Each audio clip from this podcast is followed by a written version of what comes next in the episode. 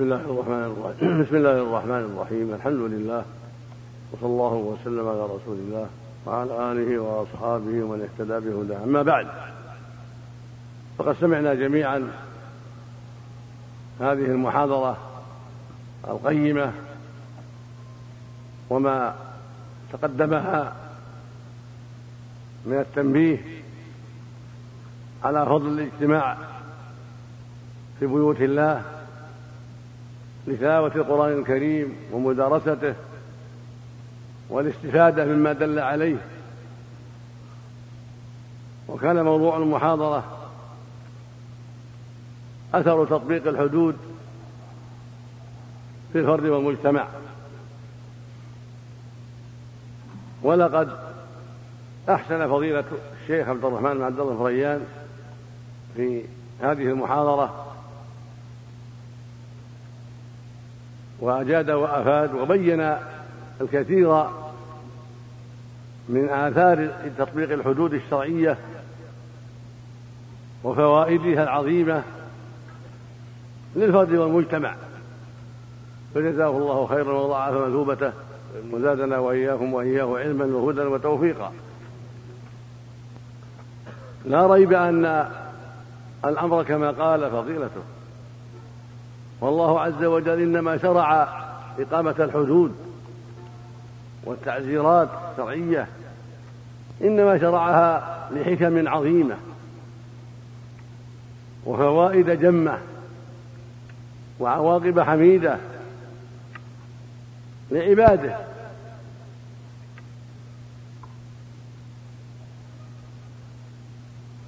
للمكلف ويتبع ذلك انتفاع غير المكلف حتى الحيوانات. فإن بتطبيق الشريعة يحصل الأمن والخير وصلاح القلوب وانتشار الخير وكثرة النعم في الأرض فيحصل بذلك انتفاع الجميع المكلفين وغير المكلفين. ويحصل بذلك أيضا الدعوة إلى دين الله وتوجيه العالم إلى الإسلام لما فيه من الخير العظيم لمن اعتنقه واستقام عليه ونفذ أوامره وانتهى عن نواهيه. فالكفار إذا رأوا آثار تطبيق الشريعة وفوائد ذلك رغبوا في الإسلام وعرفوا عظمته عرفوا المصالح التي ترتب على دخولهم فيه. إذا كانوا ليسوا أصحاب هوى ولا عناد. أما المعاند والضال على بصيرة فهذا لا حيلة فيه نسأل الله العافية. كما قال الله عز وجل في كتابه العظيم وما تغني الآيات والنذر عن قوم لا يؤمنون. وقال عز وجل إن الذين حقت عليهم كلمة ربك لا يؤمنون. ولو جاءتهم كل آية حتى يروا العذاب الأليم. نسأل الله العافية. لكن طالب الحق والجاهل الذي يريد الخير إذا رأى حال المسلمين المطبقين للشريعة ومطبقين لأحكامها ومطبقين لحدودها إذا رأى صلاحهم واستقامتهم وما عندهم من الخير والأمن والتعاون والتكاتف في كل خير وضد كل باطل إذا رأى ذلك انفتح قلبه للإسلام. وبادر بالدخول فيه.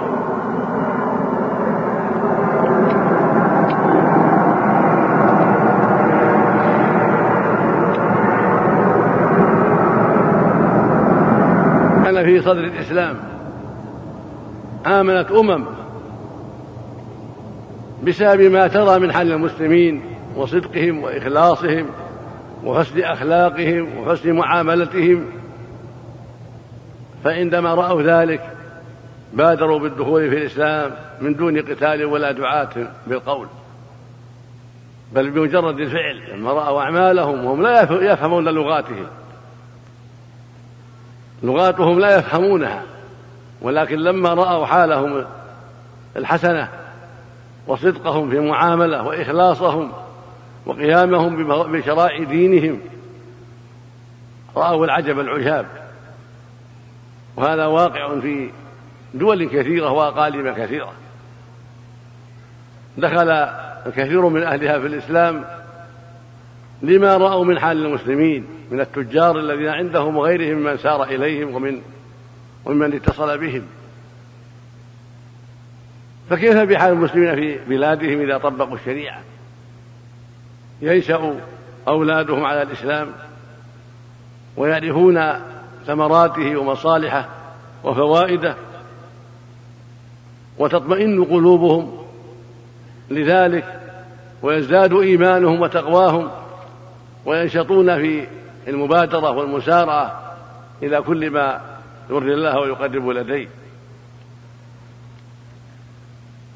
فالواجب على ولاة الأمور من الأمراء والعلماء والأعيان وشيوخ القبائل وكل من له كلمة وعلى كل من له نشاط في تطبيق الإسلام وتطبيق الحدود أن يبذل ما يستطاع في ذلك وأن يهتم بهذا الأمر وأن يعلم أن الخير كل الخير في ذلك وأنه لا يرضع السفيه والمجرم وضعيف الإيمان إلا الله سبحانه ثم الوازع السلطاني. لأن الوازع الإيماني ضعيف في القلوب إلا من شاء الله. فإذا جاء الوازع السلطاني ارتدع الفاسق وارتدع الكافر وقوي الإيمان في القلوب وزاد ونمى اشتهر عن أمير المؤمنين عثمان بن عفان رضي الله تعالى عنه أنه كان يقول إن الله يزع بالسلطان ما لا يزع بالقرآن. وجاء ذلك أيضا عن عمر رضي الله عنه والمعنى صحيح. فإن الكثير من الناس لا تهمهم. مسألة النار وربما لم يؤمنوا بها. وكثير من الناس لا يؤثر بهم الوعظ والتذكير والترهيب والترهيب. لكن متى علموا أنهم متى فعلوا هذا الشيء؟ جلدوا أو قتلوا أو قطعت أيديهم؟ ارتدعوا. خوفا من الوازع لا من الله. وربما هداهم الله بعد ذلك ودخل الإيمان في قلوبهم وانتفعوا بعد ذلك. ولهذا شرع الله الحدود الرادعة لأنه أعلم بخلقه من الناس وأعلم بخلقه وأعلم بمصالحهم وأعلم بما ينفعهم وبما يردعهم عن الباطل وبما يعينهم على الخير هو أعلم سبحانه وتعالى بعباده ومصالحهم. ومن محاسن الشريعة أن شرع الله فيها إقامة الحدود. ومن رحمة الله لعباده أن شرع في ذلك إقامة الحدود. فالسارق يقطع. وقطع الطريق يقتلون. أو يصلبون. أو تقطع أيديهم وأرجلهم من خلاف. أو ينفوا من الأرض. والقاتل يقتل إلا يعفو صاحب الحق. والذي يتعدى على الناس بلسانه ويقذفهم بالفواحش يجلد, يجلد, يجلد ثمانين جلدة حد القاذف حتى يرتدع الناس حتى يمسكوا ألسنتهم عن الوقوع في أعراض الناس. والذي يتعاطى ما يفسد عقله من المسكرات يقام عليه الحد حفظا لعقله وحفظا لدينه فيجلد. ردعا له عن هذه الجريمة التي تفسد عقله وتضر مجتمعه فردا وجماعة. فالمسكرات لها خطر عظيم وشر كبير في إفساد الناس. فمن رحمة الله أن حرمها ومن رحمة الله أن جعل بها العقوبة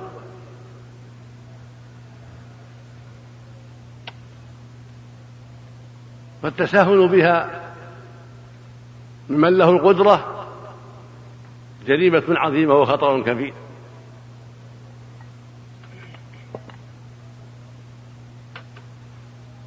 ولما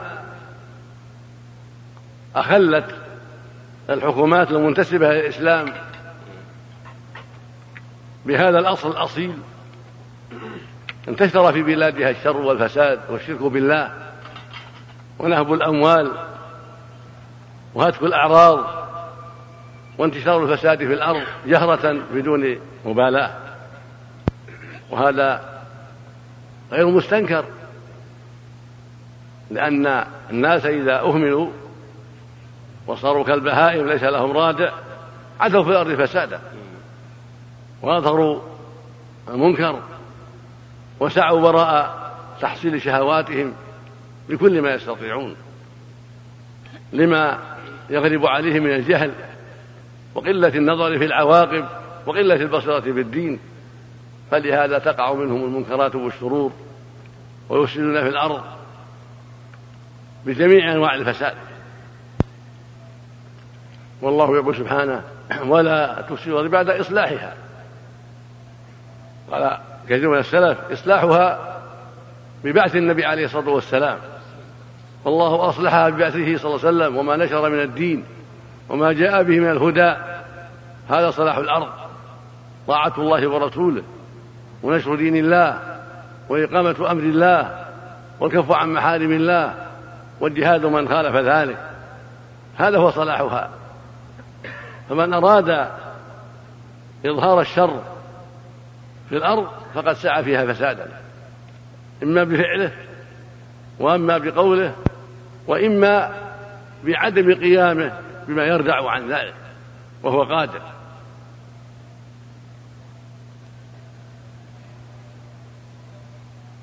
ولهذا يقول سبحانه وتعالى أفحكم الجاهلية يبغون؟ ومن أحسن من الله حكما لقوم يوقنون. ليس هناك حكم أحسن من حكم الله عز وجل.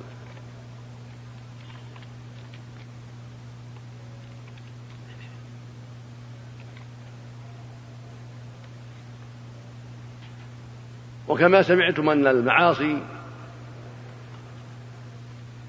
قسمان. قسم له حدود عاجلة في الدنيا مقدرة.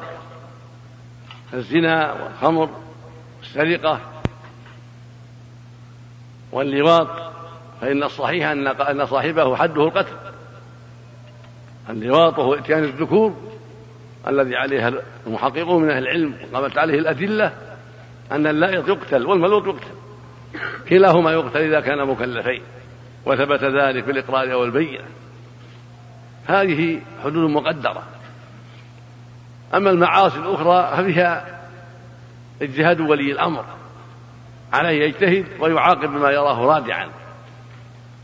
كالعقوق الوالدين أو أحدهما يعاقب الولد على العقوق بما يراه ولي الأمر الأمير أو الحاكم الشرعي. بما يردع الولد عن عن عقوبه وهكذا آكل الربا والمعامل بالربا. هكذا من عرف بالغيبة والنميمة. هكذا بقية المعاصي كالتأخر عن صلاة الجماعة. وعدم والإفطار في رمضان بغير عذر. والتأخر عن الحج الفريضة بدون عذر. وما أشبه ذلك. فيها العقوبات الرادعة التي يراها ولي الأمر. إما بنفسه وإما بتفويضها إلى بتفويض ذلك إلى لجنة من العلماء أو إلى المحاكم الشرعية حتى تقدر هذه العقوبات الرادعة. وتنظر في ذلك وتجتهد في ذلك. وكلما كثر الفساد وجب أن تزاد وجب أن تزاد العقوبة. فإذا عاقبوا العاق مثلا بعشرين جلدة ثم عاد يعاقب بثلاثين. وإذا عاد يعاقب بأكثر وهكذا. تعاقب يعاقب أهل المعاصي بما يردعهم وكلما عادوا زيد في العقوبة التي لم يقدرها الشارع. أما المقدرة فيوقف عندها. والمقصود من هذا ليس إيلامهم وليس إدخال الضرر عليهم وإنما المقصود إصلاحهم وتوجيههم من الخير. وكف شرهم عن الناس. وتعلمون أن العضو من الإنسان إذا رأى الأطباء أن قطعه أصلح لبقية الجسد قطعوه وهو عضو الإنسان نفسه. يقطع حتى يسلم بقية الجسد. فكيف بالمجتمع كيف بالمجتمع المجتمع تعاقب أفراده بما يردعها عن الفساد حتى يصبح المجتمع وحتى يسلم من شر أولئك الأفراد المفسدين. وهكذا إذا كانوا جماعات تواطؤوا على الشر يعاقبون أيضا حتى يردعوا عن ما تواطؤوا عليه من أنواع الشر والفساد. فالشريعة العظيمة الإسلامية كاملة والحمد لله. جاءت بمكارم الأخلاق ومحاسن الأعمال. وجاءت بكل ما يقطع دابر الفساد. ويقضي على أسباب الشر. ويعين على أسباب الخير. فنسأل الله يوفق جميع المسلمين للالتزام بها والفقه فيها والاستقامة عليها وأن يوفق ولاة الأمر للفقه فيها وتنفيذ أحكامها وأن يوفق جميع المسلمين في كل مكان وولاتهم للقيام بحقه وتحكيم شريعته وإيثار ذلك على ما سوى ذلك وأن يعيدهم من طاعة الهوى والشيطان ومن تقليد أعداء الله المجرمين وأن يرزقهم البصيرة والفقه في الدين وإيثار الحق على ما سواه وأن يجزي أخانا فضيلة الشيخ عبد الرحمن فريان عن كلمته ومحاضرته خيرا إنه جواد كريم وصلى الله وسلم على نبينا محمد وعلى آله وأصحابه